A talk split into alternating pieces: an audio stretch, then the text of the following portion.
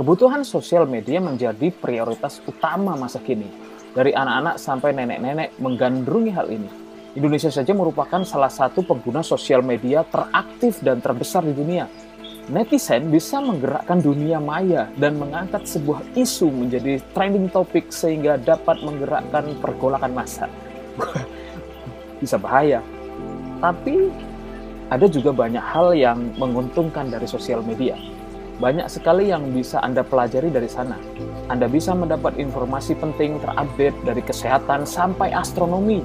Anda pun dapat mengembangkan kreativitas dan talenta Anda tanpa Anda bersusah-susah memakai peralatan yang canggih hanya melalui smartphone Anda. Dunia ada di genggaman Anda. Saya sendiri menggunakannya sebagai sarana pekabaran Injil dan firman.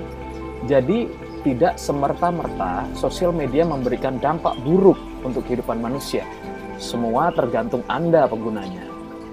Namun hal ini mengakibatkan kecanduan akut. Bayangkan saja, seperti sekarang semua orang disarankan untuk bekerja di rumah. Bagus jika Anda termasuk pekerja aktif, tapi banyak dari pengguna sosmed adalah golongan eh, saya sebut saja antah barantah. Masakan saya bilang kurang produktif? Tidaklah, itu terlalu ekstrim. Dan apakah Anda termasuk di dalamnya? Jika iya, berikan saya waktu 5 menit untuk memberikan sebuah sudut pandang tentunya selaras dengan kebenaran firman Tuhan. Ibrani 12 ayat 11 mengatakan, Memang tiap-tiap ganjaran pada waktu ia diberikan tidak mendatangkan sukacita, tetapi duka cita. Tetapi kemudian ia menghasilkan buah kebenaran yang memberikan damai kepada mereka yang dilatih olehnya. Saya ulangi, Memang tiap-tiap ganjaran pada waktu ia diberikan tidak mendatangkan sukacita, tetapi duka cita. Tetapi kemudian ia menghasilkan buah kebenaran yang memberikan damai kepada mereka yang dilatih olehnya. Apakah Anda pernah mendengar istilah dopamin? Ya, benar.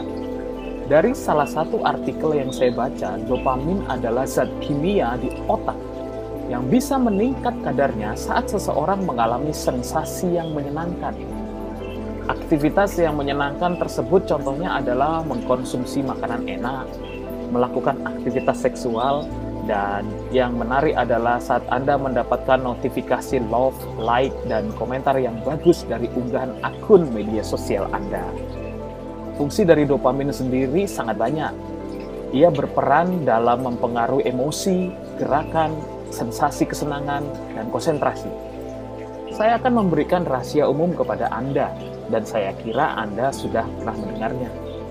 Perusahaan-perusahaan yang mendevelop sosial media dewasa ini berlomba-lomba memberikan biaya riset yang cukup besar untuk terus-menerus menemukan sistem terupdate dan merekayasa sosial media mereka sehingga menarik minat para penggunanya mereka mencoba membuat rekayasa sistem yang merangsang peningkatan dopamin Anda. Sehingga Anda tertarik dan terus-menerus menggunakan sosial media. Itu dinamakan dopamin hit.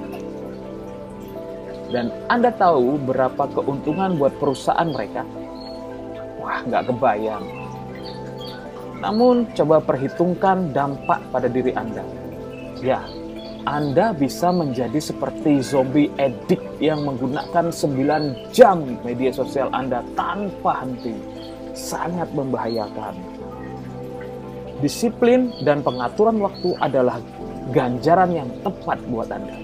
Saya sangat paham, sangat tidak mudah melepaskannya. Namun Anda harus melepaskannya.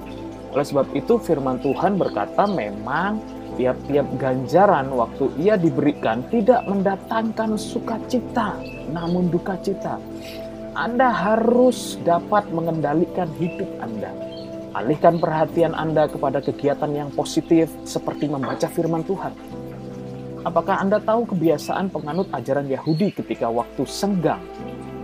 Mereka membaca firman Tuhan. Lihat apakah mereka menjadi bangsa yang bodoh atau sebaliknya atau Anda bisa melakukan kegiatan sehari-hari Anda ditambah dengan mencipta lagu, berpuisi, atau bertukar pikiran dengan kerabat Anda sambil memberitakan firman dan kebaikan Tuhan. Atau Anda bisa menolong orang lain yang membutuhkan pertolongan. Tentunya banyak di sekitar Anda.